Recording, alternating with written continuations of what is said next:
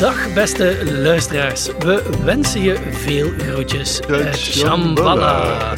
Ik ben Jonas Laats en ik zit opnieuw samen met... Paul van der Velde. Samen reizen we af en toe door de wereld van de hedendaagse spiritualiteit en esoterie.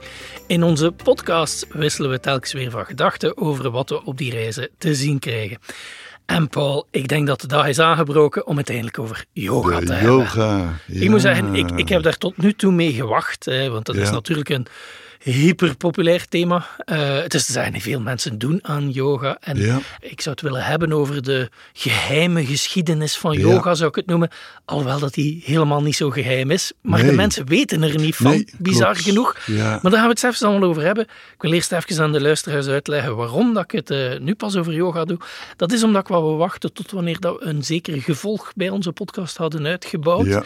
En ik kan wel zeggen dat we daar nu zijn, want op het moment van opname zitten we boven de 20.000 downloads. Dat is toch al iets. kijk. En ik denk wanneer dat deze podcast zal uitkomen, gaan we waarschijnlijk 25.000 downloads hebben, want het is ongeveer 1000 per maand. Oké. We zijn niet slecht bezig, zou ik zeggen. En eh, vooral ook bedankt naar de luisteraars, nog een keer, om zo trouw te luisteren. Bedankt ook voor de mensen die berichtjes sturen en die ons laten weten dat ze het appreciëren. Dat vind ik heel leuk. En Ja, ik zeker. heb ook al van u Ja. gehoord dat jij daar ook... Ja, eh, ja, ja. Oh ja, ik krijg veel reacties. Dat ja, is fijn, hè? Zeker. Dat is ja. fijn. Dus eh, luisteraars zeker doen. Wij worden daar gelukkig van Ja. eh, als we horen hoezeer dat groetjes uit Shambhala u eh, inspireert. Maar goed, eh, dat geheel terzijde, dat was maar mijn inleiding om te zeggen, het wordt tijd dat we het effectief voor die Ja. duizenden luisteraars eens over yoga hebben. Want yoga is misschien wel tot op vandaag het grote voorbeeld van spiritueel bezig zijn met Ja. bepaalde praktijken. Licha oosten. lichamelijkheid Ja. en spiritualiteit die Ja. samenkomt. Hè? Voilà. Embodied spirituality hoor je Voilà. mensen heel vaak zeggen. dat zeggen is vandaag de dag de term zo. Hè. Maar eh, goed, de, eh, die geheime geschiedenis, zoals dat ik het genoemd heb, daar gaan we het straks over hebben. Eh, maar misschien eerst eventjes naar dat woord. Hè, wat dan. Dat doen we meestal in onze podcasts wel. Hè. Hoe zit dat in de geschiedenis? Dus dat woordje yoga, het heeft heel veel Het betekenissen. heeft- maar haalt er misschien een keer de belangrijkste uit als je zo over de Sanskriet-teksten van Ja. 1000, 2000 jaar oud bezig bent. Ja. Het woordje yoga komt van de wortel yuj. Y-U-J, yuj. En die betekent verbinden. Mhm. Maar eh, dat, is de- dat is een basisbetekenis. Je hoort heel vaak mensen zeggen, yoga betekent juk of verbinding. Nou, het woord is verwant. Dat, dat is wel zo. Henk Bodewits, dat was eh, de hoogleraar waar ik vroeger Sanskriet van heb geleerd in Utrecht. Die zei altijd, als je met het woordje yoga nou eens begint met de interpretatie, methodische inzet. Als je dat als basisbetekenis neemt, dan kun je daarna gaan kijken wat die in een bepaalde tekst moet gaan betekenen. Want yoga betekent ook gewoon, als het in een tekst eh, voorkomt, de instrumentalis yogena, dat betekent gewoon door middel van. Op deze manier kan het ook betekenen. Toepassing kan het betekenen. Dus het woord betekent absoluut niet alleen maar wat we nu onder yoga verstaan, als het gaat om een yogaschool. Of die yoga zoals die staat in dan die beroemde teksten yoga, de Patanjali Yoga Sutras. Het is echt een veel complexer begrip. En bovendien, ja, we zeggen hier yoga. De eigenlijke uitspraak is eh, yoga, of zelfs yoga. Eh, vanaf de middeleeuwen spreek je die y als een ja uit. Yoga of yoga.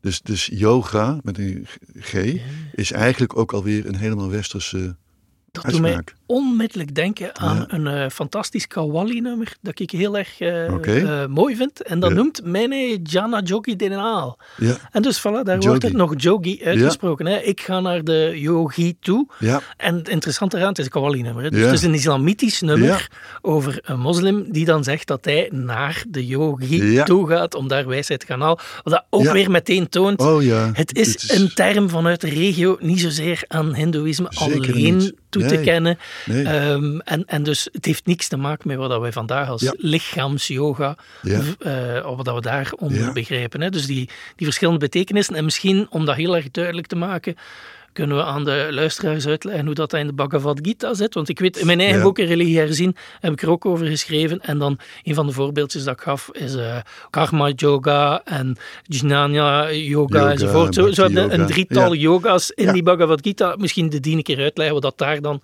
precies mee eh, bedoeld wordt. Je, je kunt zeggen, zeker als we bij die betekenis van het yoga blijft bij methodische inzet. De methodische inzet van handelen, Mhm. de methodische inzet van kennis, de methodische inzet van bhakti, van devotie. En dan kun je natuurlijk bij alle drie gaan kijken, wat betekent karma in dat geval? Nou, daar kun je van alles van vinden. Wat betekent uh, jnana, inzicht in dat geval? Wat betekent bhakti, devotie in dat Mhm. geval?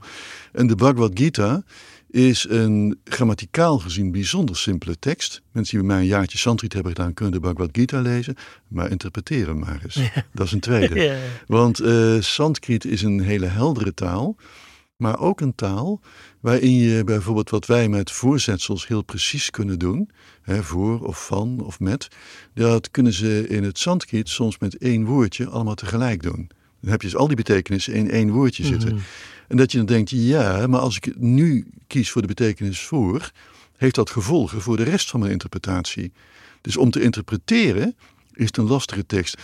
En eh, ja, die Bhagavad Gita neemt een heel centrale positie in in het Hindoeïsme. Maar dat is een hele nieuwe ontwikkeling. Dat is pas sinds de 19e, 20e eeuw.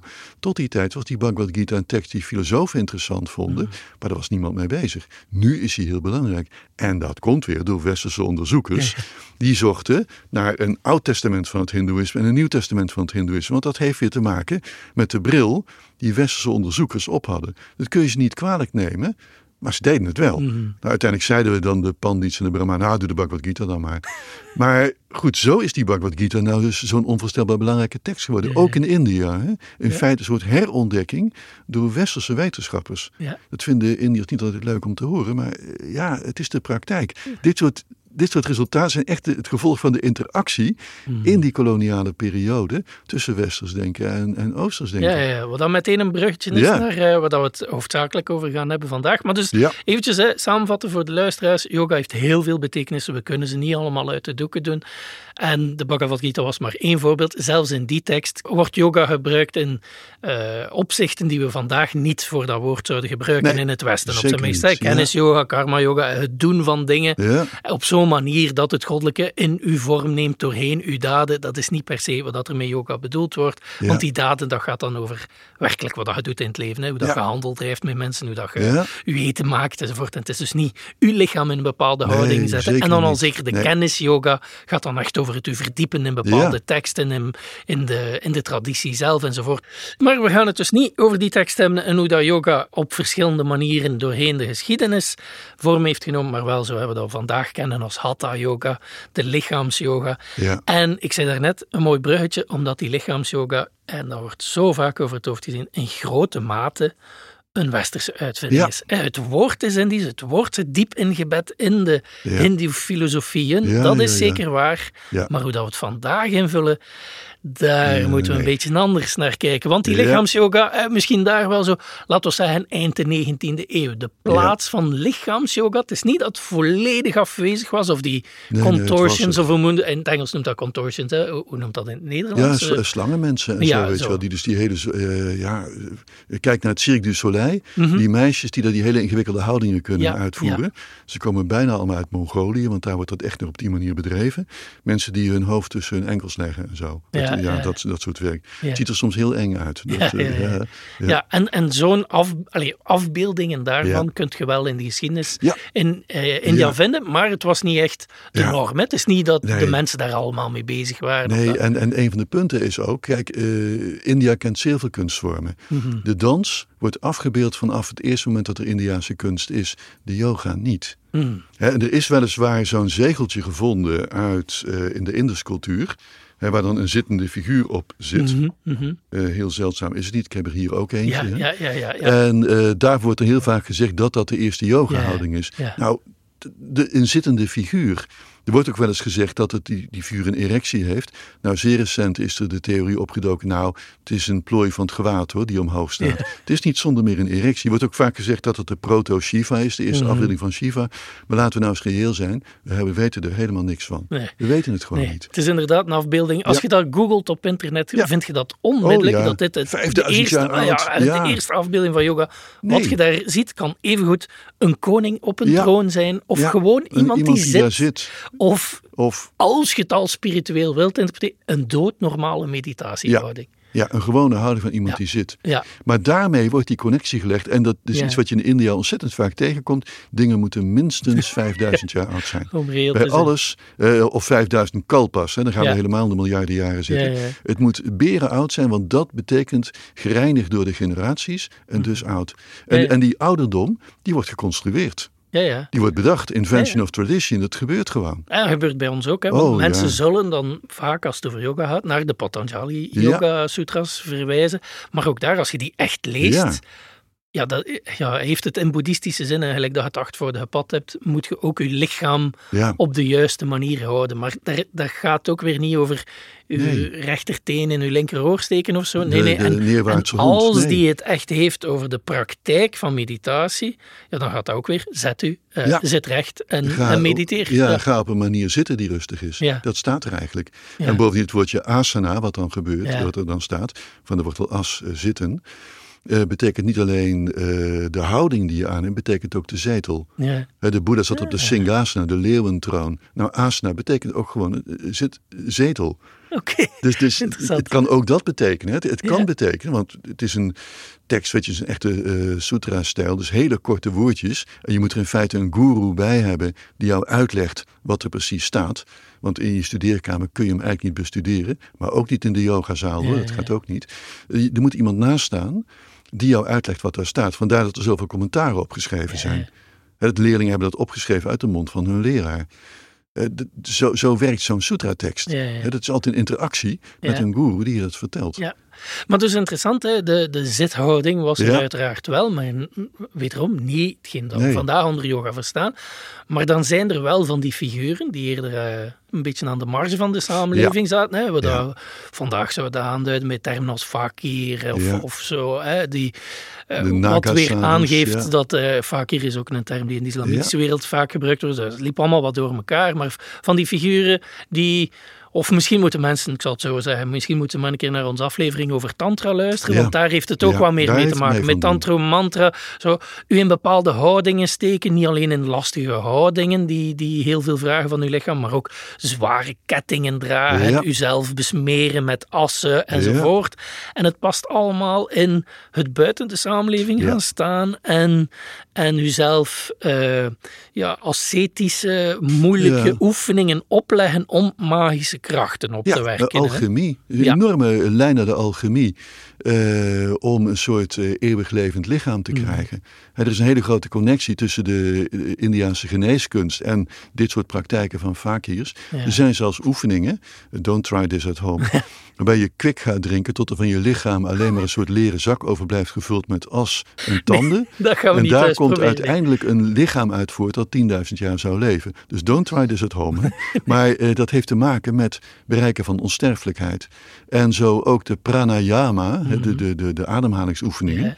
Ehm, in bepaalde Indiaanse stromingen van geneeskunst gaat men ervan uit dat een mens zoveel ademtochten heeft. Het aantal ademtochten dat de mens kan, het aantal zuchten dat de mens kan nemen, dat is, staat bij iedereen vast. Nou, als je je adem heel lang kunt beheersen, betekent dat dat je langer leeft. Daar komt onder meer het beheersen van de prana's uit voort. ja. Hè? Yama betekent beheersen.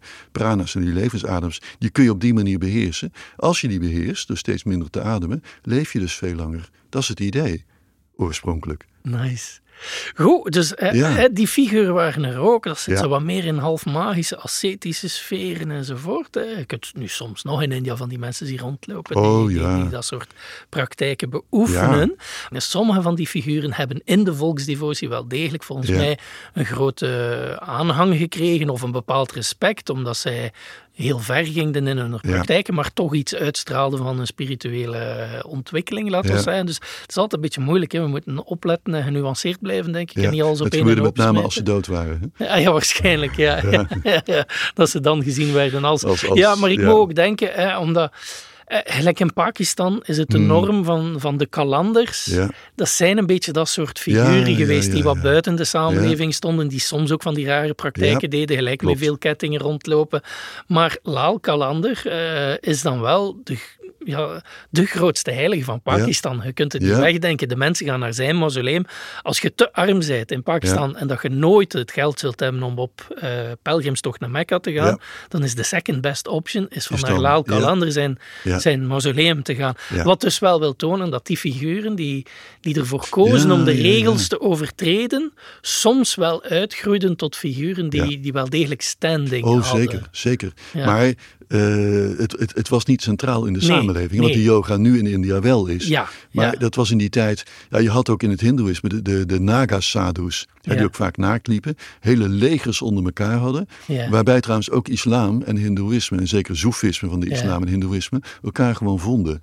Dat verschilde niet zo vreselijk veel. Zoals nu, nu nog steeds. Hè. Heel veel uh, Hindoes bezoeken Soefi-heiligdommen en mhm. andersom. Ja, nu wordt dat extremer tegenwoordig. Maar dat zijn echt nieuwe ontwikkelingen. Maar die stonden helemaal niet zo tegenover elkaar. Nee, en, en dan naakt zijn, dat is dus een voorbeeld hè, van volledig uit de samenleving gaan stappen door u zo te gedragen op een manier die niet te hoort. Ja, gekleed in je eigen haar. in je lange haar. Dat, dat, dat werd ook beschreven. En dat is historisch, dat werd ook gedaan. Dat zie je dus wel afgebeeld op de reliefs. Maar de houdingen van tegenwoordig, die kom je niet tegen. Nee, nee, en dat is heel opvallend. Ja, dat is heel opvallend. En daar is iets mee. Ja, en dus omdat het buiten de norm staat, wat ik denk dat we nog moeten toevoegen is, is van ja, uh, sommige grote boegbeelden van het Hindoeïsme schreven er ook neerbuigend over. Ja, daardoor. zeker. En één voorbeeldje is Vivekananda nou. zelf, die helemaal, nee, nee, dat soort yoga, daar, daar, zijn wij niet mee bezig. dat is geen echte yoga. Echte yoga is de, de teksten en de traditie en, uh, en heel, heel cognitief, heel, heel uh, filosofisch rationeel, filosofisch. En, en op de, de Advaita leren enzovoort naar voren schuiven. En dus het is belangrijk, hè, want Vivekananda, ook in India, wordt nog altijd gezien als een, als van, een de, van de grote. De en Aurobindo precies zo. hè? Bij Aurobindo was yoga uh, vechten tegen de kolonisator. Dat was yoga, dat was methodische inzet. En dat, dat ontwikkelt zich ook heel sterk bij mensen die eigenlijk anti-Gandhi waren.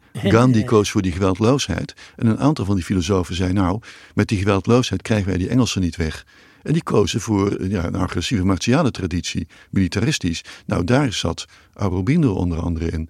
Oké, okay, dit is uh, een perfecte brug naar waar we nu moeten zijn. Hè? Dus het eerste dat we hadden hebben, nee, dat soort lichaamshoudingen is niet echt centraal nee. hindoe, ver nee, van. zeker niet. Dus waar komt het dan vandaan? Ah, wel dat militaristische, maar in de westerse zin. En dan zijn we er een beetje, dat we eigenlijk, als we dat verhaal willen vertellen, dat we dan moeten gaan naar fascistische, nationalistische ideeën van eind van de 19e eeuw, waarbij dat lichaam in een militaire context van uh, een gezonde geest en een gezond lichaam om uw land en uw ras sterk te houden, daar zit eigenlijk het begin.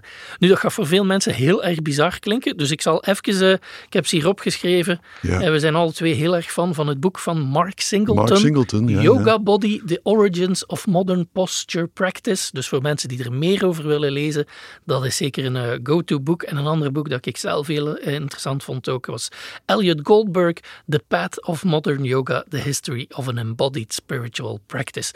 Allebei zeer aan te raden aan iedereen die zich daarin wil verdiepen. En dus uh, wij vinden hier niks uit. Het komt uit dit soort boeken. En ik moet ook wel zeggen, dit, dit is van het betere academisch materiaal dat ik ooit heb gelezen. Daar valt geen spel tussen te krijgen. Er wordt zoveel archiefmateriaal gebruikt, zoveel referenties, zoveel duidelijke visuele voorbeelden ook. Dus het verhaal dat we nu aan de mensen gaan brengen over uh, de geheime geschiedenis van yoga, zoals ik zei, helemaal niet zo geheim, want die boeken zijn ondertussen tien jaar oud, zoiets, oh, ja, 15 jaar oud. Dus het is al lang gekend. Maar het ligt zo gevoelig, Mark Singleton heeft doodsbedreigingen is gehad. Het ja, ja, ja, ja. Omdat hij dit boek geschreven heeft. Ja, ja, ja. ja. So much for ahimsa, hè, voor de geweldloosheid. Ja, ja, zo, zo ziet je maar weer.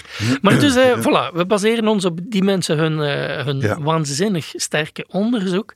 En dus een van de dingen is, ja, we moeten inderdaad naar de eind 19e eeuw. Want, ja. vertel een keer Paul, wat, uh, wat was er toen zo aan ja, de hand? eind 19e eeuw, wat speelde er dan? Uh, de Engelsen keken behoorlijk neer op de Indiërs. Indiërs waren pervers, alleen maar met juwelen bezig. Ze waren te dik, geen martiale traditie. En de Engelsen met hun grote leger, de sepoys, de sipahis, die hadden dat wel. Nou, er waren Indiërs die zoiets hadden van ja, maar toch klopt dit niet. En die kolonisator hier, dat hoort niet. Eh, eh, om, om 1857, toen was de grote Sepoy-opstand, dus de opstand van de Indiaanse militairen. Sepoy is een mm. Hindi woord voor uh, soldaat, werd voor de Engelsen gebruikt, maar ook voor de Indiaanse Sipahis, de soldaten. Grote opstand, en die wordt nu gezien als de eerste onafhankelijkheidsstrijd. Mhm. En dat is een heel mooi perspectiefwisseling, want ja, dat was in feite zo. Nou goed, er speelde dat verhaal dus, dat Indiërs pervers waren, geen militaire traditie, en daar kwam verzet tegen vanuit de, Indiërs zelf. En uh, toen is men gaan teruggrijpen op martiale tradities die in India wel bestonden. En die had je bijvoorbeeld de Kalaripayat van Kerala, de vechtsport van Kerala. Je had de worstelaars van Varanasi. En je had die Naga Sadhus, die fakirs. Kijk, en daar liggen bronnen van yoga. Mhm. Als je bronnen van yoga wilt zoeken, dan moet je eigenlijk helemaal niet in de Upanishad zijn. En niet in de Bhagavad Gita Althans, als het gaat om de moderne yoga. Mm -hmm. hè? Niet Upanishad, niet Bhagavad Gita, niet Yoga Sutras. Je moet zitten zoeken in die traditie van ja, Kalaripayat, de Vaakjes, mm Varanasi. En die traditie heeft ongetwijfeld een enorme voorgeschiedenis. Alleen die is niet opgeschreven. Mhm. En wat zie je nou dus gebeuren? Wat willen de moderne yoga mensen? Dat het toch weer in teksten staat. Als het even kan in Sanskrit teksten. En dat is de oude koloniale erfenis. Religie is pas serieus te nemen als er ook serieuze teksten zijn. Nou, dat is zo koloniaal als wat. Hmm. Dat zegt meer over hoe wij naar religie kijken of spiritualiteit dan dat het iets over India zegt. Maar even terug naar die traditie. Er was dus een zekere opstandigheid tegen hoe de Engelsen de Indiërs zagen. En de Indiërs kwamen toen ook in contact met de körpercultuur die in Europa speelde. En dat ging langs een paar mensen. Het ging langs Ling in Scandinavië. Hmm. Het ging langs Sandau in Duitsland. En die Sandau is in contact gekomen met, of moet zeggen, de, de Britten kwamen in contact met het werk van Sandau. Sandau was een groot bodybuilder. En uh, via de Britten is die körpercultuur van Sandau in India beland. Sandau zelf is ook in India geweest, hield daar enorme bodybuild uh, shows bodybuilding werd heel populair in India. Mm. En er was ook een tijdschrift, Mahavir, grote held. Nou, dat was heel populair. En heel veel jongens en mannen gingen dus uh, bodybuilden, grote spieren. Dat was mooi.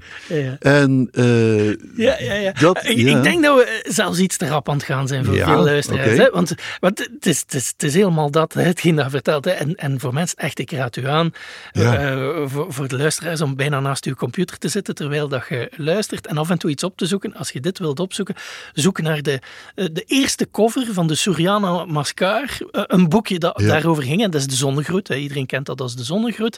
Maar de eerste cover daarvan, daarop ziet je een bodybuildende man die, die zich uitstrekt naar de zon toe. Maar, maar je zult zien dat de, de, hoe moet dat zeggen, de esthetiek er rond veel meer bodybuilding is dan, dan uh, elegante uh, spirituele aerobics zoals dat we het vandaag kennen.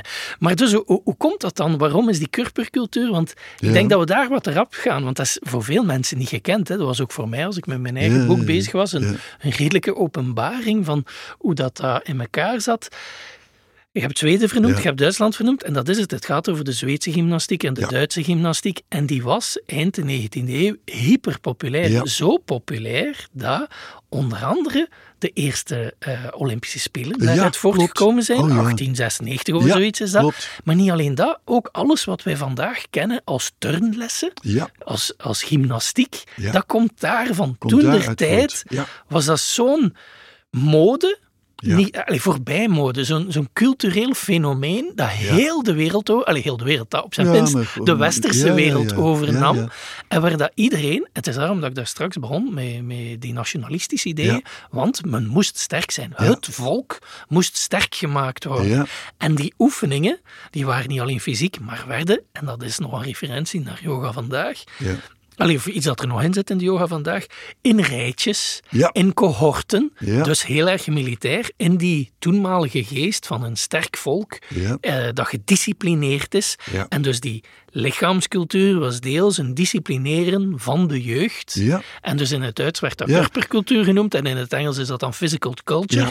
Maar er bestaan zelfs termen als muscular Christianity. Oh, Iedereen oh, zat erin ingevat. De kerk die stelde voor van onze jonge mannen moeten niet alleen een gezonde morele geest hebben, maar ook een gezond moreel lichaam om hun vaderland te kunnen beschermen wanneer het erop aankomt enzovoort. Dus al die, ja, wat we, gelijk dat ik zei, de lessen die we vandaag nog kennen komen daaruit voort, uit het idee dat gymnastiek heel erg belangrijk is om uw volk gezond te houden.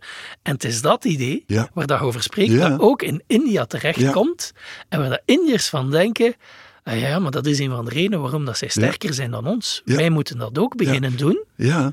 En, eh, dus gaan ja. wij nu gaan zoeken naar Indische manier Indische- van datzelfde te doen. De YMCA speelt ook een hele Ja, grote rol. ja, hè? Die, die speelt er echt een grote rol in. Die droegen dat uit, dat gedachtegoed. Hè? Allerlei christenen konden daar terecht. Nou, die droegen dat gedachtegoed uit, ook in India. Ja, en India is toen inderdaad gaan kijken, maar wacht eens even, wij, wij hebben dat ook. En die, die zijn toen eigenlijk gaan kijken naar die oude Naga-sadhus Ja. en naar die, die diverse vechtsporten. En eh, het, hetgeen natuurlijk hele marginale dingen in die tijd eh, waren, maar die werden uitge, uitgelicht, die werden vergroot. Dit gebeurde op meer gebieden, ook wel de Bharatanatyam, de klassieke Indiaanse dans. Nou, daar werd heel erg op neergekeken, begin 20e eeuw. Dat deden die smerige devadasis, die halve hoeren, halve prostituees waren. En eh, nou, die werd uitgelicht door hoogkastenvrouwen, hè, Rukmini Devi bijvoorbeeld, die ook weer theosofe was, met een theosoof Arundel getrouwd. Dat werd er uitgelicht en men ging daar spirituele boodschappen in, in zoeken. Nou, dat heeft de Bharatanatyam gered, het heeft de Bharatanatyam gevormd sowieso, want die, die term is ook nieuw. Maar het heeft de kunstvorm ook gered, maar heeft hem ook helemaal gespiritualiseerd. Die spirituele boodschap die we er nu in zien, is relatief nieuw. Dat vinden danseres niet leuk om te horen, maar ja, het, het, het is, als je het onderzoekt, het is zo. En dan kan men zeggen, ja, maar dat komt dat jullie witte wetenschappers zijn en daarom zien jullie dat verkeerd. Dat heb ik nou al zo vaak gehoord, I don't buy that one anymore. Nee, nee, nee, daar gaan we het niet over hebben. Maar dat hoor je wel vaak als verwijt hoor, als je dit soort dingen zegt. Maar goed, terug naar India. Ja, deze Europese, westerse eh, stromingen eh, ontmoeten India, vielen daar in een, eh, ja, in een rijpe bodem. En eh, er waren dus ook Maharajas, onder andere het Hof van Mysore, waar de lokale Maharaja, een van die Wadiyar Maharajas was dat, de mening was toegedaan, ja maar jongens, hoe die Engelsen naar ons kijken, dit kan zo niet. En toen is er eigenlijk dus die yoga ontstaan, ook bij wijze van een soort huisgymnastiek, dat je dus thuis in je eigen beschermde omgeving een soort eh, sterk lichaam kon opbouwen. En dat is weer heel erg verwant aan wat Scandinavië gebeurde. We woonden gigantisch ver van elkaar af, die lange winters. En deze oefeningen kon je thuis doen. Dat was heel wezenlijk.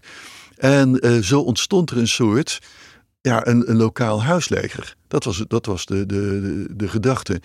Eh, het is wat dat betreft, en dat doet Marcus Singleton vergelijken met capoeira uit Brazilië. En dat is eigenlijk een hele goede parallel. Capoeira is een danskunst en tegelijk een martiale traditie. Ja, ja. De toenmalig tot slaaf gemaakte mensen konden die dansen uitvoeren en tegelijk hun lichaam trainen. Het was niet alleen maar entertainment. Nee, er was iets anders gaande. En die parallel is er heel Ja, ja, duidelijk. dat is inderdaad een mooie parallel. En je beschrijft er eh, van die lokale Maharajas. Eentje daarvan was, eh, Ja. ik ga zijn naam verschrikkelijk slecht uitspreken, Bhanwanrao Srinivasrao Pant Pratinidi.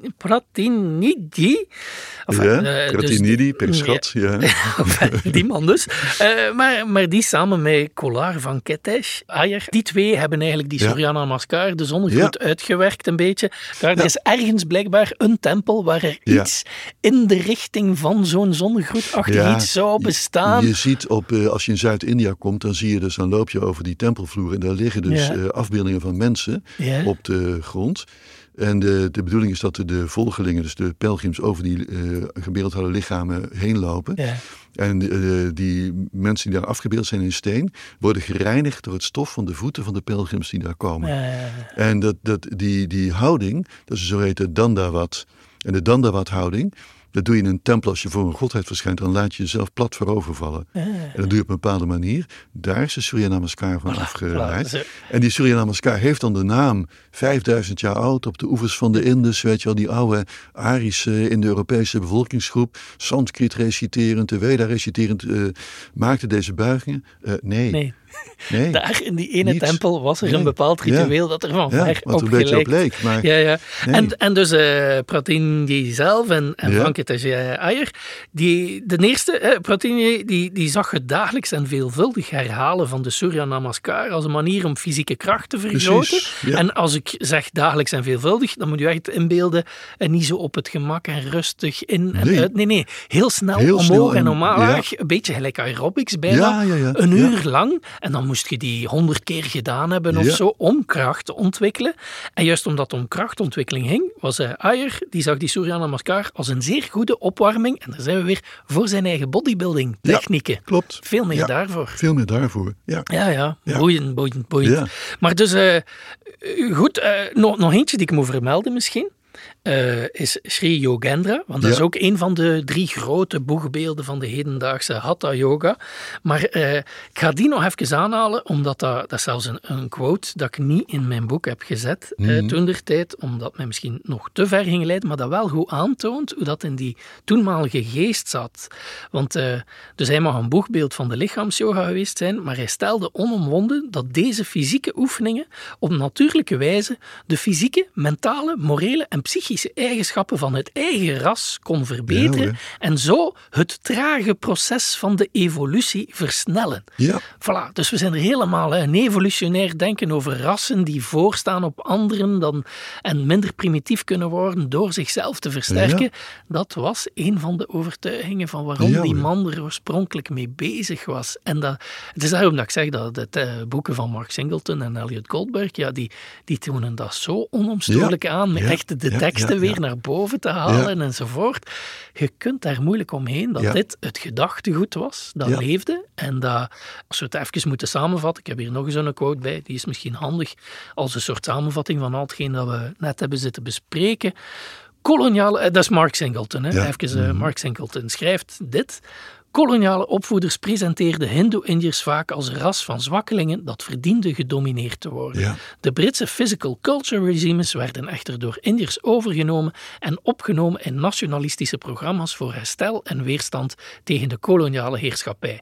In deze context begon men de lichaamshoudingen van de oude Hatha-yogis te combineren met moderne physical culture en om te zetten tot een inheemse techniek van mannelijkheidsontwikkeling. Ja. Ik denk dat dat een prachtige samenvatting is van de dynamieken die het beschrijven zijn. Ja, Hè? ja, want het is natuurlijk wel zo, en dat is heel belangrijk wat, wat Singleton dit nu ook, ook zegt. Kijk, er is een oude traditie. Ja. Er is echt een oude traditie. En hatha betekent niet zon en maan, wat je in de yoga Nee. heel vaak ziet. Want men is ontzettend vaak bezig met het opnieuw interpreteren van dat soort termen. Dan bedenkt men allerlei nieuwe eh, etymologieën van woorden. Guru, als de hij die de duisternis verdrijft. Dat is onzin, dat klopt niet. Maar in, in de cultuur klopt het wel. Maar guru betekent niet hij die duisternis verdrijft, absoluut niet. Maar ehm, er zijn oude tradities, dat is waar. Er is Goraknath. Hè, eh, maar Goraknath en Nath-yogins, dat zijn oefeningen. Nou, die moet je echt thuis niet doen. Hoor. Je tong omdraaien en je tongriem lossnijden. En hele rare bastrika's, reinigingen van de darmen en, en, en de maag. Met heel veel water en rare spierentrekkingen. Dat doen die yogameisjes van Bali niet hoor. Echt niet. Dat, dat is niet zo. Dat is heel wat anders. En dat was er wel. Maar eh, de bronnen van de Hatha Yoga, als we nu kijken naar Upanishad, Bhagavad Gita, Yoga Sutras, dat is verkeerd. Je zou moeten kijken in teksten, als je teksten wilt, erbij wilt betrekken, maar daar staat maar een heel klein deel misschien in. Giranda Samhita, de Hatha Yoga Pradipika. Goed, daar staan ook dingen, maar het zijn allemaal hele late teksten. Dat is allemaal late middeleeuwen. Hmm. Dus dat, dat is niet. De teksten zijn in ieder geval niet oud. De traditie kan ouder zijn. Is dan in teksten niet aantoonbaar, maar dat vind ik niet zo heel erg. Maar zoals het nu geïnterpreteerd wordt, dat is echt Mhm. fonkelnagelnooi. Ja, ja. Voilà, dus dan, dan hebben we de eerste fase van het ontstaan van yoga Ja. vast. En dan gaan we moeten gaan zoeken natuurlijk, hè, want de luisteraars zitten waarschijnlijk nu te wachten. Ja, maar wanneer wordt dat dan zo'n spirituele praktijk? Daar gaan we eens even toe komen. Maar het valt mij te binnen, nu dat we eh, Ja. halverwege dat verhaal zitten. Ja, even heel erg duidelijk maken. Het is niet omdat we zo'n geschiedenis schetsen, dat we daarmee yoga overboord willen Nee. smijten of, of afdoen als een ozel. Oh, nee. Verre, verre van. In de religie eh, of in religieuze tradities Ja. zitten er vaak fenomenen met soms wat eigenaardige geschiedenissen. En de geschiedenis is wat dat die is. Die groeit uit tot, uh, of die doet dingen uitgroeien tot bepaalde fenomenen. En als het fenomeen vandaag is dat mensen zich bezighouden met stretchingsoefeningen, letten op hun, hun ademhaling en daar een, een vorm van spiritualiteit aan koppelen, ja, perfect. Ja, doen. Meer stretchen, bewuster met ons lichaam bezig zijn en, en een goede ademhaling hebben. Een goede Ik voeding. denk echt dat het een van de basisprincipes is voor een gezond leven. Dus absoluut doen, denk Ja. ik dan. Vooral doen, Oh, maar ja. niet wegdenken dat sommige dan van die fenomenen ingebed zitten in bepaalde geschiedenissen die je al dan niet leuk vindt. Dat maakt niet uit, maar dat is een beetje echt gelijkaardig aan christen zijn.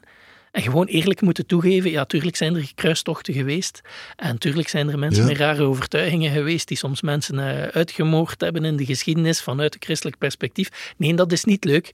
Daar zet ik mij als christen van af. Ja. Maar dat neemt niet weg dat mijn christelijke beleving en mijn gebed vandaag heel erg legitiem Ja, kunnen precies. zijn. Exact hetzelfde geldt uiteraard voor hiervoor. yoga. Niet het kind met het badwater Nee, weggooien. absoluut Moet je niet, niet. doen. Ik vertel dit soort verhalen wel eens voor yogakringen. Nou, ik heb echt eh, huilende mensen meegemaakt als ik dit vertel. Het is zo belangrijk voor hen. En mijn, mijn vraag daar tegenin is, werkt het voor je? Als jij dit nou doet, twee keer twintig minuten per dag, je doet die oefeningen, je doet die series asana's, werkt het voor je? Voel jij je er beter door? Als mensen dat bevestigen, nou, wat is het probleem dan? Maar wat daarbij speelt, als dingen heel oud zijn, 5000 jaar oud, dat geeft gezag. En als het even kan, moet het overeenkomen met een nieuwste Amerikaanse ontdekking. En dan daarna de conclusie zie je wel, zo ver waren de oude Indiërs al. Kijk, en als dat soort gedachten gaat optreden, dan zit je bijna altijd in de sfeer van invention of tradition. Middeleeuwen is nooit populair. Ja. Als iets middeleeuws is, dan betekent het achterlijk of eh, ingehaald door de tijd. Terwijl veel van deze hatha yoga is in feite middeleeuws. Mhm. Die fakirs en die naga sadhus, dat waren ook geen aardige mensen. Die stonken, die zaten onder de stront en zo. Ik heb die naga sadhus wel ontmoet. Nou, je moet ermee uitkijken hoor. Ze kunnen heel agressief zijn, ze kunnen bijten. Eh, ze zitten inderdaad soms onder de poep en onder de mest. Dat komt voor onder de as van de lijkverbrandingsplekken in Varanasi. Ik heb ermee gesproken, of via tolken met hen gesproken. Want ik spreek wel Hindi en zij spreken ook Hindi, maar ze willen niet zonder meer met iemand praten omdat ze helemaal van de wereld weg zijn. Hier zouden ze achter draadglas zitten met medicatie in de psychiatrische inrichtingen. Zover kan dat gaan. Ik ben ooit in een ashram geweest in Abu, Mount Abu in Gujarat. En ehm, trok op met een deeltijdsadhu daar. En ik heb met die man allerlei pelgrims, pelgrimsplekken bezocht daar in die omgeving. Ben meegeweest naar de ashram waar dan Babaji zat. Hè, dus de grote guru van die ashram. Op een gegeven kwam er een, eh, zo'n Naga sadhu, zo'n zo'n man binnen. Liep ook inderdaad bloot. Bloeddoorlopen ogen, helemaal stoned. En eh, die zag mij, rende op mij af. En eh, die, die man die kende zei, kijk uit, want hij is gevaarlijk. En die man heeft mij besnuffeld. Ik had maar hij heeft echt helemaal in mijn kruis ook zitten snuffelen en zo. Maar goed, hè, je bent jong en je bent met een onderzoekende geest en je vindt dat allemaal, denkt, oké, goed. Tot die dingen begonnen op te schrijven die ik niet kon lezen, want er stonden geen letters. Toen werd hij boos, toen werd hij ook bij me weggehaald, want hij kon agressief zijn. Nou, dit was zo iemand. Zit echt in die sfeer helemaal buiten de gewone wereld. Hatha betekent ook ruw. Het was de harde yoga. Hè, dus de, de yoga van de harde beoefening, waarbij gewrichten bijna ontwricht werden, et cetera.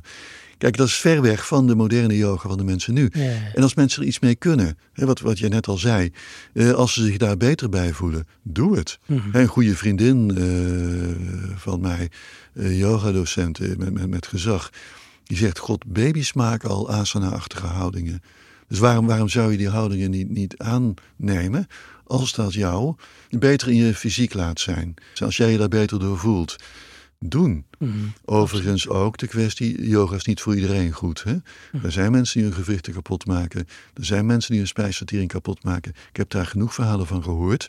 Je moet een hele goede leraar hebben, of lerares, die jou begeleidt daarbinnen. En ook goed kijken of dat voor jouw lichaam allemaal wel geschikt is. Want dat ken ik ook wel van India. Mensen die in India yoga gaan doen. Het moet allemaal, en het moet. Ook als het ten koste gaat van je pols of van je, eh, je heupen of zo. Eh, lang niet iedere yoga-beoefenaar in India loopt aan het eind van het leven soepel door de straat hoor. Er zijn ook echt kniebanden kapot gemaakt en zo. Dat heb ik ook wel gezien. Dat gewoon door yoga komt. Ja. Dat is er. Dus uh, kunt het gezond beleven, zeker wel. Ja. Maar tegelijkertijd moet je Echt hoor, ook op ja. dat vlak uh, een beetje opletten. Maar goed, we gingen dus de volgende fase doen van... eigenlijk zitten we dan ook gewoon in de helft van de 20e eeuw ongeveer.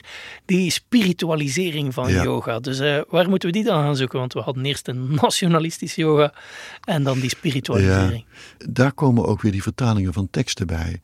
Dat soort kwesties van, ja, maar die Indiaanse cultuur heeft enorme boodschappen te bieden.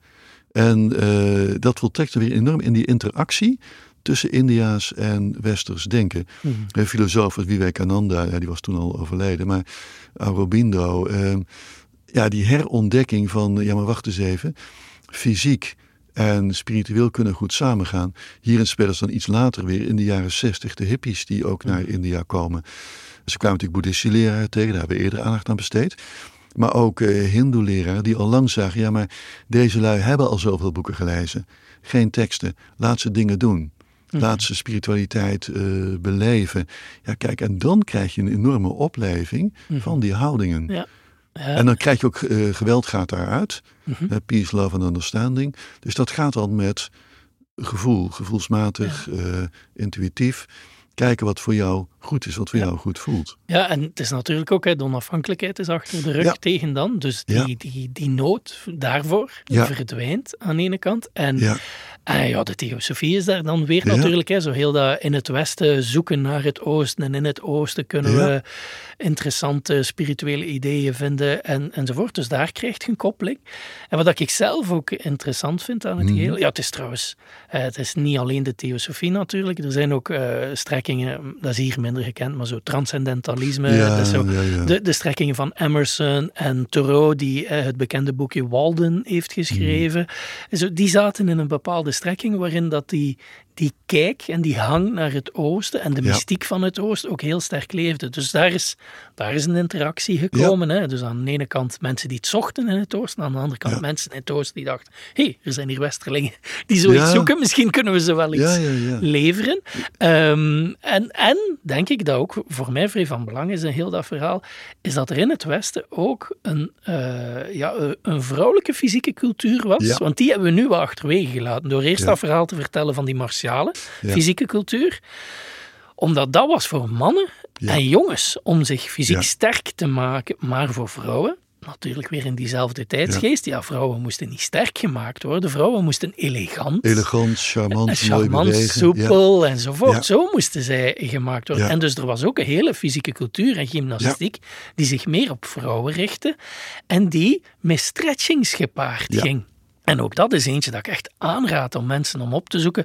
Google gewoon een keer Health and Strength Physical Postures of zoiets Ja. in Google 1934, ik zeg maar wat. Ja. En dan Ja. gaat je afbeeldingen vinden, die ook in de boeken staan die we daarnet Ja. eh, vermeld hebben, waar dat je ziet dat mensen ook in voor de jaren 40, toen niemand iets wist over he- hedendaagse lichaamsyoga in Europa of in Amerika, hoe dat er vrouwen waren die exact dezelfde posities Ja. innamen, maar puur vanuit die fysieke cultuur die voor vrouwen ontwikkeld was. Dus een van de redenen waarom dat Hatha Yoga zoals we het vandaag kennen zo snel, want uiteindelijk gaat Ja, het over een, is korte periode, oh, ja. van de jaren Ja. 40 tot eh, de jaren 80 en, en vanaf de jaren 80 is het gewoon wereldwijd overal en iedereen. En zeker de laatste twee decennia. en zeker de laatste twee decennia zo, zo normatief geworden. Dus dat is eigenlijk een korte periode. Waarom kon het zo snel gaan? Omdat die oefeningen er eigenlijk al waren, grotendeels. Het werd al gedaan. Ja. Wat er vooral gebeurd is, is van daar een Indisch spirituele saus over te gooien. Dus Ja. die fysieke cultuur voor vrouwen, samen met die theosofie en transcendentalisme en die, dat soort spirituele bewegingen, voeg die twee in elkaar Ja, voeg er nog wat Beatles en andere hippies aan toe. ja. En, en we zijn vertrokken. Hè? En, en daar komt ook nog eens bij dat eh, in de elitaire kringen van vrouwen, dan moet je denken aan de Haagse binnenkamers, Ja, hè, ja. waar Louis Couperus speelt daar, hè, de Ja. schrijver Louis Couperus. Nou, daar kwamen eh, spirituele dames, van die madames van Russische of van Franse afkomst, kwamen daar over de vloer. Die hielden seances met geesten. Dat is allemaal theosofie. Mhm. Mm. Althans niet alles, maar heel veel theosofie. En deze dames, die vrouwen zaten binnen te rollen en te borduren, want dat moesten die adellijke vrouwen van be- betere burgerklasse ook doen. Niet alleen adel, maar be- betere burgerklasse. Die roddelden. Maar die dames zaten de hele dag stil op een bankje met een corset aan eh, te borduren en koeken te eten. Die hadden constipatie bij het leven. En die yogins hadden een watercultuur. Het Mhm. inbrengen van water in, in, eh, in het spijsverteringskanaal. En eh, dan kon je dus met, met dat inbrengen van water, wat dus uit India kwam, en wat ook weer heel erg in die interactiecultuur is ontstaan, dan kon je de darmen reinigen. Dat was bij, bij vrouwen in de binnenkamers heel erg populair. Ik weet van mijn oma, eh, dus in het westen van het land, die leidde ook een nogal stilzittend eh, leven. Eh, mijn moeder moest altijd tabletten voor haar halen voor tegen constipatie. En dat hadden al die vrouwen die stil zaten. En die yogacultuur had daar methoden voor met heel veel water drinken of water rectaal inbrengen. Ook die kant werd ingebracht. Gezondheid. Ja, ja, ja. En dat had dan ook de, de reiniging, zou ik nou zeggen, van de traditie van Azië. Dat, dat, dat speelde dan mee. Ja, en, en daar kwam dus ook die, ja, die behoefte aan stretching, aan fysiek en zo. Het is die, Ja, die interactiecultuur. Ja, ja, en dan krijg je inderdaad, hoe dat we het vandaag kennen, hè. het is een fysieke vorm van met spiritualiteit bezig zijn, wat het begin Ja. zei, embodied spirituality, maar dat zit ook in die wellnesscultuur natuurlijk, Ja. die wellness, gezondheid, naturopathie. Het zijn die elementen die samenvloeien in de yoga in een tijdsgevricht waarin het gewoon pakt. Hè. Dus ga, enerzijds heb je de Beatles, anderzijds heb je de aerobics van Jane Fonda in de Ja. jaren tachtig. Voeg die esthetiek samen, ook nog eens met wat natuurgeneeswijzen. Oh, ideeën. En dat is wat dat uiteindelijk yoga toe uitgroeit. Het interessante voor mij is, oké, dat, is, dat, is, dat is een boeiende geschiedenis, daar zitten we vandaag mee. Maar daarmee is voor mij ook niet gezegd dat het zo gezegd een totale westerse uitvinding zou zijn. Nee. Eén, wat dat we al uitvoerig besproken hebben. Ja, Ja. maar er zijn lijnen in de Ja, geschiedenis die zijn er. een beetje marginaal misschien, maar ze zijn er Ja. wel. En daarboven is vrij snel, vanaf die jaren 60 ook, en eigenlijk daarvoor, eh, dat, dat nationalistische idee viel wel weg. Maar ondertussen was men wel bezig en dacht Ja. men erover na en ontstonden er wel meesters en goeroes die yoga, zoals dat we het vandaag kennen, ook werkelijk beginnen integreren zijn in Ja. hun eigen aanpak. Ja, zeker. En zo zijn er verschillende. En dus is yoga vandaag wel degelijk een onderdeel van Hindoeïsme. Tuurlijk, ja. En boeddhisme trouwens, dat gebeurt Ja. met name hier. Want in, in yogascholen kom je boeddha-beelden tegen. Ja. Dat is heel raar eigenlijk, maar goed, dat, dat gebeurt. Hier wordt het ook vaak met boeddhisme in verband gebracht. Ja. ja, klopt, het is zo. Ik, ik wil nog trouwens nog één dingetje noemen wat ook Mhm. met die theosofie te maken heeft, heel sterk. Eh, kijk, teksten staan centraal in onze spiritualiteit. Nog steeds, ja, staat centraal is de grote uitspraak, maar als iets in een oude tekst staat, dat doet het wel heel goed. Ja. Nou, eh, bij de theosofie speelde heel vaak een of andere bron die teruggevonden was en daarna altijd kwijt. Daarna altijd door termieten opgegeten of eh, terug naar de hemel of verdwenen of zo. Dan speelt niet de esoterie. Het boek van Mormon speelde ook dit soort zaken. Uiteraard speelt dit ook bij de yoga. Hè, Die, die yoga-leraren van de jaren 20, jaren 30, het moet alweer uit Tibet komen. Ja. De Yoga Kurunta, dat is zo'n tekst die dan genoemd wordt. Ja, opgedoken daar ergens. Bij Mansarowa meer geleerd van iemand. Maar uiteraard, ja, later door de termieten opgegeten. Of in de bibliotheek van Calcutta verdwenen. Het is nooit natrekbaar. Het is nooit navolgbaar. Dat hoort er echt bij. En daar hoort ook bij, en dat is weer iets wat heel erg aansluit bij wat, wat je net schetste, bij die hele moderne ontwikkelingen, dat die boodschap ook diep in een mens verborgen ligt. Als jij luistert naar je intuïtie, dan kun je die boodschap ook aanboren. Dus je hoeft niet per se heel ver weg te gaan. Die zit ook in jou. Als je maar diep genoeg graaft. Nou, daar lenen deze oefeningen natuurlijk weer Ja, ja. uitstekend voor. Eh, wat in een tekst staat die je ver weg moet zoeken, staat ook diep in jouw ingeboren wijsheid. Mhm. En die wijsheid boor je aan door onder andere al deze houdingen aan te nemen. ja, ja. Dan komen er als vanzelf pure ideeën naar boven. En dat is weer dat idee, mens sana in corpore sano. Ja. Hè, eh, een gezond lichaam impliceert een gezonde geest. Dat, dat, die ontstaat als vanzelf, die komt Mhm. opborrelen. Ja. Niet tegen te houden. Nee, ja, inderdaad. hè. Een gedachte waar dat je minstens nuances eh, kunt en, en enkele vragen kunt bijplaatsen. Maar dus, ja, het is wel interessant hè, dat ondertussen een, een gevestigd onderdeel van, Ja. van de Hindoe-culturen, zal ik dan maar zeggen, is. En dat zeker sommige leraren er eh, zeer oprecht mee bezig zijn. En dus dat er ook heel veel Westerlingen naar India gaan om daar yoga te leren. En Maar, opnieuw, daar zijn we voor. Maar je moet nog steeds in India goed zoeken naar yogascholen. Ja, ja, ja. Want zo makkelijk zijn ze helemaal Nee, niet te vinden. nee. Het is echt niet zo dat er op iedere straat ook een yogaschool is. Nee. Ja, kijk, ga naar eh, Dharamshala, ga naar eh Rishikesh. Daar zitten ze.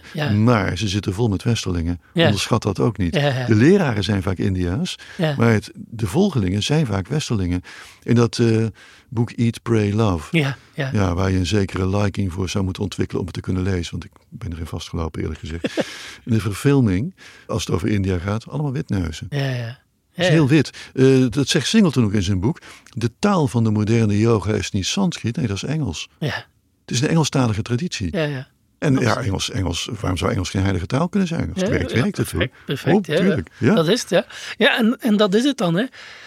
Zelfs dat zeggen betekent niet dat die verkeerd bezig zijn Nou, of zo. Nee, nee, nee. als ze er iets in vinden en, en, en nogmaals, Ja. ja. stretchen en uw ademhaling enzovoort, er, er zit heel veel rijkdom in waar dat je mee aan de Ja. slag kunt. En dat er een nieuwe traditie ontstaan is, ah, perfect, Ja, interessant en justitie vindt het goed en niet te veel lezers lijden zijn we weer, Nou, de, de basisprincipes. Absoluut. Maar, hè, dat is dan iets wat hè, constant aan bod komt in onze podcast. Ja, we moeten wel kritisch blijven natuurlijk. Hè, want we hebben nu een nieuw syncretisch, ik denk dat je het niet anders Ja. kan noemen. Het is eigenlijk een, een type voorbeeld van Ja. religieus syncretisme doorheen de tijd. Voilà, dat is Ja. wat het is. Een interessant fenomeen waar veel mensen niets aan hebben. Maar waar soms ook rare dingen mee gebeuren. Hè. Ik denk, eentje is ja, de, de goeroes die pretenderen heel wat te zijn, maar die eh, enigszins ofwel complex ofwel echt problematisch zijn. Eh, Ja. Ik moet nu geweldig denken aan, aan het meest sprekende voorbeeld, is de man van de hot yoga. Ik ben er weer even zijn Oh, naam God, kwijt. die. Ja, hoe noemt hij nu ook alweer? Eh, ja, we zijn het Ja, kwijt. eh, we zijn het kwijt. Nou, die in ieder geval. Die, die in ieder geval, ja. De man van de hot yoga, Ja. die is er dus in geslaagd op een bepaald moment. ik weet niet of heb je daar ooit interviews van gezien op YouTube? Ja, Dat is waanzinnig. Allee, bedoel, hoe dat je daar kon naast kijken. Dat dat, ja, Ja. In Vlaanderen hebben we de uitdrukking een vies ventje. ja, ja. Ja, Ja. maar Dat, dat, dat, is hem echt. Ja, Het spijt ja, mij geweldig. en- En dus eh, aanklachten te over voor seksueel misbruik enzovoort tegen de man. Want in zijn hot yoga ja, ja, was er maar nogal op uit om eh, was schaars geklede dames dan... hot eh, pants. ja, Ja, ja, ja, pants, ja. het was nogal hot. Ja, Ja, maar het is ook wel de grootste yoga-franchise in de wereld geworden. Hij heeft er miljoenen mee verdiend. Maar die man slaagt er dus in, in zijn interviews op YouTube, om te zeggen, eh, een van de uitspraken is, hier zit meer dan Jezus, hier zit meer dan Superman. Ehm, ik heb twee ballen zo groot als atoombommen, 10 megatons each. Ja, daar is hij in geslaagd om even Ja. zijn, zijn viriliteit mee te etaleren. Maar hier kan Genghis Khan nog een puntje aan zuigen. ja. Ja, absoluut. Ja. Oh, nee, nee, nee. nee. Oh, een vies feitje. Ik ga het nog een keer ach, zeggen. ach, Maar dus, ja. dat is gewoon een voorbeeld. Maar voor mij is dat wel gekoppeld met hetgeen dat we zeggen, omdat dat door het niet willen zien van sommige geschiedenissen, door het niet willen zien van sommige nuances, gaat je ook dingen idealiseren en gaat je zo'n goeroe op een piedestal Ja. zetten en doen alsof dat die intuïtieve wijsheid waarover we Oh, sprak, dat die zo vanzelf spreekt en dat als je er je vragen bij stelt, dat dat, dat je ego is dat in de weg zit Oh, en dat je niet naar die historiek moet kijken, want dat doet er niet toe, het is een eeuwige waarheid. Welk idee dat je ook uitvindt om jezelf daar blind voor te maken, sorry, maar die ideeën die moet je misschien wel eens in vraag stellen. Want dat Ja. zorgt ervoor dat van die mensen gelijk Ja. hem, de uitvinder van de hot yoga, hoe dat hij zo lang Ja, zijn ding mag blijven doen. ja. eh, en, en zoveel mensen erop legt en zich verrijkt op de kap van anderen. En seksueel misbruik pleegt aan de lopende Ja, band. En, en- en- dat het mag ja. en kan blijven gebeuren. En dat wordt zo'n binnenwereldje, wordt dat dan. En eh, dan krijg je inderdaad dat commentaar als je over zou klagen. Ja, jouw ego staat jou in de weg. Zie je je, je gouden kansen niet. En in zo'n binnenwereld wordt dan seksueel, wat de buitenwereld seksueel misbruik noemt, wordt dan esoterisch, wordt dat genoemd als inwijding. Ja, ja. Een bijzondere gelegenheid. Ik, bedoel, ik ken zo'n eh, guru, eh, zo'n yoga-leraar die in, in Engeland heel populair was, hier ook heel populair was. Er werd ook gezegd, ja, maar seks met hem is geen seks, dat is initiatie. Intussen allemaal kleine meisjes die hij dus eh, geïnitieerd heeft. En eh, een wijs iemand zei mij ooit, als je tegen je goede vrienden, je eigen familie niet kunt vertellen wat er tijdens de sessies gebeurt, Als je dat niet kunt vertellen omdat je denkt, dan mag je heel erg afvragen waar je eigenlijk mee bezig bent. Wat je in stand aan het houden bent en wat je met jezelf laat gebeuren. Maar het zijn glijdende schalen, dat gaat heel langzaam. Die goeroes, dat type guru, dat kun je vergelijken met een python of een boa. Hè? Mhm. Die, uh, iedere keer gaat het iets strakker. Iedere keer gaat het iets strakker. Tot jij in een keurslijf zit en je hebt niet eens door dat je in een keurslijf zit. En het gebeurt. Oh, ik heb in al die jaren al zoveel mensen wat dat betreft uh, gehoord. Waarbij ik dan af en toe zei, zeg, uh, klopt dit nog wel? En waar baseert deze man het op? Ja, ja, staat in die en die tekst. Nou, dan is het toch heel fijn om Sanskrit te kennen. Dan pak je de tekst er even bij. Uh, het staat er helemaal niet hoor. Ik heb zo een aantal keren mensen uit een secte gepraat. Wat mm. gewoon echt eng was hoor. Ja, ook, ook, ook bedreigend. ja, ja, levensbedreigend. Zeker, zeker, Ja, en, en op zich heeft dat niks met yoga te maken. Nee. dat is niet specifiek in het yoga-wereldje. meer of minder, daar gaat niet over. Ik wil ook niet de hele yoga daarmee, wel, nee, niet de hele yoga daarmee veroordelen. Het is gewoon, eh, het, het, ging mij om het idee van niet willen kijken naar die nuances en die historiciteit eh, is een voorbeeld van dat soort dynamieken, van het blind blijven voor sommige dingen waar je moet naar kijken. En een tweede, dat ik in de hedendaagse yoga op dat vlak heel belangrijk vind, is het een beetje negeren van hoe yoga opnieuw, dag van vandaag, dan toch wel weer nationalistisch gecapteerd wordt. Want gelijk dat je beschrijft, in India, het is niet dat het om op elke straathoek gaat tegenkomen, want de gewone Indiër was er niet mee bezig. Maar wat je nu ziet, is dan een Narendra Modi. Ja, ja. Uh, laten we hem noemen gelijk dat is. Een genocidair, in mijn ogen toch. En wat er in Gujarat in 2004 is gebeurd, maar dat is misschien voor een andere podcast een keer. Maar in elk geval, een politiek figuur waar daar heel wat over te zeggen valt. En soms niet zo'n fraaie dingen. Maar die figuur wordt uh, op handen gedragen door de business communities in de wereld. En hij mag uh, met de Amerikaanse president spreken enzovoort. En allemaal fantastisch. En die man profileert zich heel sterk als hindoe-nationalistisch. En een van de manieren om het hindoe-nationalisme te promoten is doen alsof dat yoga zoiets oud-Indisch is en uh, iets klassiek Indisch. En kijk, we moeten dat allemaal doen. En dan vindt hij yogadagen uit en dan fotocampagnes waarbij daar duizenden mensen yoga-oefeningen uh, aan Nationale Yogadag. Nationale Yogadag enzovoort. En het zou allemaal best oké zijn, waren het niet dat dat hindoe-nationalisme extreem islamofoob is en dat de helft van die propaganda, ik denk dat je het niet anders kunt noemen dan dat, eigenlijk erop gebaseerd is van India is Indisch en dat betekent hindoe en weg met die moslims. Ja, en christenen. En christenen, ja. Ja, ja, en de RSS, hele trainingen van, van uh, jongetjes en mannen, uh, die dan in, in, wit en zwart gekleed hele, hele uh, marsen houden, proces, uh, ja, processies houden, rennen en zo, weet je, het lichaam maar sterk te houden tegen de bedreiging van de moslims. Ja. Ja, ja. vrouwen trouwens ook hoor, maar ik heb het met name met mannen gezien. Ik heb een paar van die, van die tochten gezien. Dat is doodeng. Ja, dat is dat scary. Is, dat, dat, is, dat doodeng. is heel gevaarlijk hoor. En dan wordt die, het historische besef opnieuw heel erg belangrijk. Want daar ziet je gewoon letterlijke parallellen met de nationalistische idee maar toen was dat tenminste nog antikoloniaal. Daar kan ik nog sympathie op, voor opbrengen. Maar nu is het een hercapteren van yoga in een nationalistische context. Maar als een onderdrukkend systeem. En het is dat ik bedoel, met die blindheid is zo gevaarlijk. Want als je geschiedenis niet kent, dan kun je ook niet inbeelden. Als je denkt dat yoga louter een spirituele praktijk is, waarin dat wijzen altijd mee bezig waren. En gelijk dat je zegt, door het gezonde lichaam zal de gezonde geest vanzelf komen. Uh, sorry, als je naar die fenomenen de dag van vandaag kijkt, nee, de gezonde geest eh, komt er niet vanzelf. Dat, dat vonden de nazi's ook. Als, als, iemand dat en dat type lichaam had, met dat blonde haar en die blauwe ogen, et cetera, dan zat er ook een gezonde geest in. Iets trouwens wat in India ook wel speelt, rond de, de stap van filmsterren naar de politiek. Mm. Dat is al een tijdje gaande. Het heeft ermee te maken dat iemand die een prachtig lichaam heeft, dat dankt die persoon aan karma uit een vorig leven. Dus dat moet wel een goed persoon zijn. Als hij in de films maar nooit te zien is geweest, ik heb het nou even over een man, met een sigaret of een glas whisky. Want dan is het meteen verkeerd. De persoon is de rol. Speelt de rol niet, maar wordt de rol. En vandaar die overstap van, van filmcarrière, hè, zoals Ronald Reagan dat toen nog tijd deed, van uh, film naar politiek, dat dat in India nogal eens voorkomt. Omdat een mooi lichaam impliceert als vanzelf ook een goede mindset. Ja.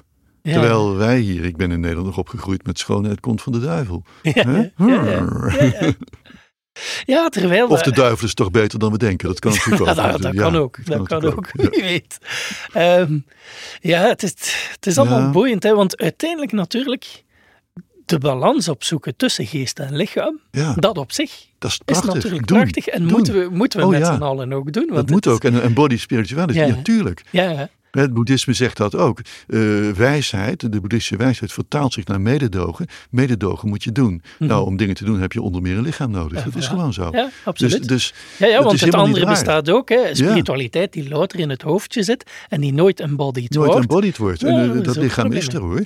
Die scheiding geest en lichaam, ja, dat, dat praat wel even praktisch. Mensen praten ook vaak over hoofd en hart, dat soort dingen. Dat zijn leuke metaforen, maar het zijn met name metaforen. Dat moeten we goed in de gaten houden. Ja. Het zijn vergelijkingen. Dat wil niet zeggen dat het ook echt zo is. Nee. Het is iets om dingen begrijpelijk te maken.